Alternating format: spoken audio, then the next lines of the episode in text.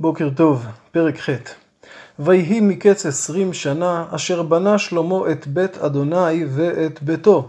בספר מלכים מסופר ששבע שנים הוא בנה את בית המקדש ושלוש עשרה שנים את ביתו. חז"ל רואים את זה לשבחו, שאת בית המקדש הוא בנה בזריזות.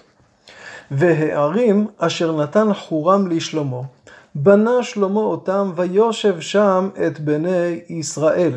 בספר מלכים כתוב ששלמה נתן ערים לחירם כתמורה וכשכר על כל העזרה שהוא נתן בבניין המקדש ובביתו. פה כתוב שחירם נתן ערים. אומרים הפרשנים אחת משתיים, או שזה היו חילופי ערים, או שחירם החזיר את הערים. כתוב בספר מלכים שהם לא נשאו חן בעיניו. ואז הוא מחזיר אותם לשלמה, ועל ההחזרה הזאת מסופר פה. הערים שהוא נתן בחזרה, בנה שלמה אותם והושיב שם את בני ישראל. וילך שלמה חמת צובה ויחזק עליה. חמת צובה הייתה משועבדת לעם ישראל עוד מימי דוד, כנראה שהם הפסיקו להעלות מיסים, מרדו בימי שלמה, ושלמה הולך וכובש אותה מחדש. ויבן את תדמור במדבר ואת כל ערי המסכנות אשר בנה בחמת, ערי מסכנות, ערי אוצרות. ויבן את בית חורון העליון ואת בית חורון התחתון, ערי מצור, חומות, דלתיים ובריח, ואת בעלת ואת כל ערי המסכנות אשר היו לשלמה, ואת כל ערי הרכב, ואת ערי הפרשים, ואת כל חשק שלמה אשר חשק לבנות בירושלים ובלבנון ובכל ארץ ממשלתו. כלומר, ממלכת שלמה משתרעת מים אל ים, כלומר מנהר פרת בצפון ועד מצרים בדרום, ושלמה ברחבי הממלכה יש לו ערי מסכנות, ערים שלשם זורמים המיסים, הערים הללו צריכות להיות מבוצרות. יש לו ערי רכב, ערי פרשים, שהתנועה ברחבי הממלכה תהיה מהירה, ושיהיה צבא נכון וזמין בכל אזור ואזור מהממלכה הרחבה. כדי לבנות את כל המפעלים העצומים הללו צריכים כוח עבודה. מי בנה את זה? אומר הכתוב, כל העם הנותר מן החיטי והאמורי והפריזי והחיבי והיבוסי אשר לא מישראל המה. מן בניהם אשר נותרו אחריהם בארץ, אשר לא חילום בני ישראל, ויעלם שלמה למס עד היום הזה. ומן בני ישראל, אשר לא נתן שלמה לעבדים למלאכתו, כי המה אנשי מלחמה ושרי שלישיו ושרי רכבו ופרשיו. ואלה שרי הניצבים אשר למלך שלמה חמישים ומאתיים הרודים בעם. כלומר, כל יושבי הכנעני שהיו בארץ ישראל, שבימי דוד ושלמה הושלם הכיבוש, אנחנו יודעים שזה אחת משתיים, שלוש אפשרויות בעצם, או שהם עוזבים את הארץ מרצונם, או מצווים להרוג אותם, או שהם מקבלים על עצמם את שלטון ישראל, שבע מצוות בני נוח, ולהעלות מיסים לעם ישראל. וזה מה שקורה בימי שלמה. כלומר, הם נאמנים לשלמה, והם עובדים בכל מפעלי הבנייה של שלמה. אגב, הקשר הזה שהם נקשרו לעם ישראל נשאר לדורות. בימי בית שני, הימים שבהם נכתב ספר דברי הימים, אנחנו מוצאים ברשימת העולים, אלה ששבו מבבל חזרה לארץ ישראל, את עבדי שלמה. כלומר, הם נשארו לדורות בקרב עם ישראל. ואת בת פרעה העלה שלמה מעיר דוד לבית אשר בנה לה, כי אמר לא תשב אישה לי בבית דוד מלך ישראל, כי קודש המה. אשר בא עליהם ארון אדוני. מעניין, הכתוב מנמק מדוע שלמה בונה בית לבת פרעה, הסיבה היא שהוא רוצה להוציא אותה בעצם מבית דוד. בית דוד, שמה הגיע ארון השם, לא מן הראוי שבת פרעה תשב במקום הזה, ולכן הוא בונה לה בעצם מקום אחר.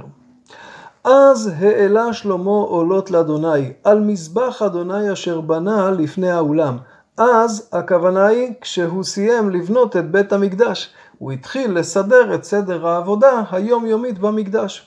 ובדבר יום ביום להעלות כמצוות משה לשבתות ולחודשים ולמועדות שלוש פעמים בשנה בחג המצות ובחג השבועות ובחג הסוכות. ויעמד כמשפט דוד אביו את מחלקות הכהנים על עבודתם, והלוויים על משמרותם להלל ולשרת נגד הכהנים לדבר יום ביומו.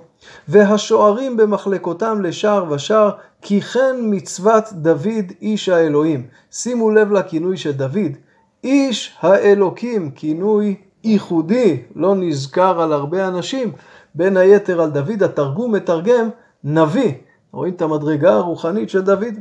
ולא שרו מצוות המלך על הכהנים והלוויים לכל דבר ולאוצרות. ותיכון כל מלאכת שלמה עד היום מוסד בית אדוני ועד כלותו שלם בית אדוני. כלומר, כל מה ששלמה עשה הצליח מהיום שהוא יצק את היסודות לבית השם ועד כלותו, עד שהוא סיים והשלים את מלאכת בית השם. אז הלך שלמה לעציון גבר ואל אילות על שפת הים בארץ אדום, אזור אילת. וישלח לו חורם ביד עבדיו אוניות ועבדים יודעי ים, ויבואו עם עבדי שלמה אופירה, ויקחו משם ארבע מאות וחמישים כיכר זהב ויביאו אל המלך שלמה. כלומר, שלמה הופך את ישראל גם למעצמה ימית. יש לו קשרים בים התיכון, והוא פורץ כרגע לים סוף. בעזרת חירם מלך צור, צור יושבת בים, היא הם מומחים בשיט ימי ובמסחר, והם בונים אוניות ופותחים נתיבי סחר גם אל אפריקה. אל אופיר. אז אם כן הפרק שלנו מתאר את ההתעצמות וההתרחבות המדינית-כלכלית. אחרי שעסקנו בבניין בית המקדש, בבניין הרוחני, אנחנו רואים כיצד הממלכה הופכת להיות אימפריה של ממש, אימפריה כלכלית, מדינית, אזורית.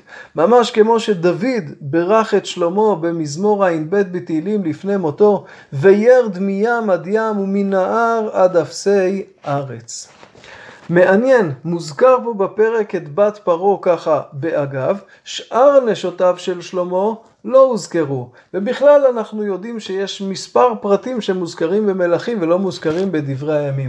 וכבר אמרנו שהמגמה של עזרא בדברי הימים היא להעלות על נס את מלכות בית דוד.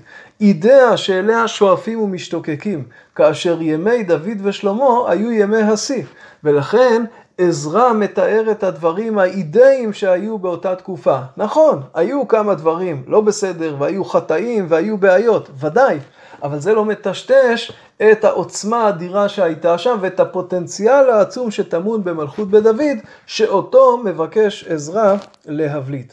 נוסיף עוד הערה אחת, שימו לב לסדר. פתחנו בהתעצמות מדינית וסיימנו בהתעצמות מדינית. כלומר, פתחנו בדרך היבשה וסיימנו בדרך הים, ובאמצע פתאום נכנס סדרי העבודה של שלמה במקדש. למה זה מופיע כך וזה לא הופיע קודם לכן?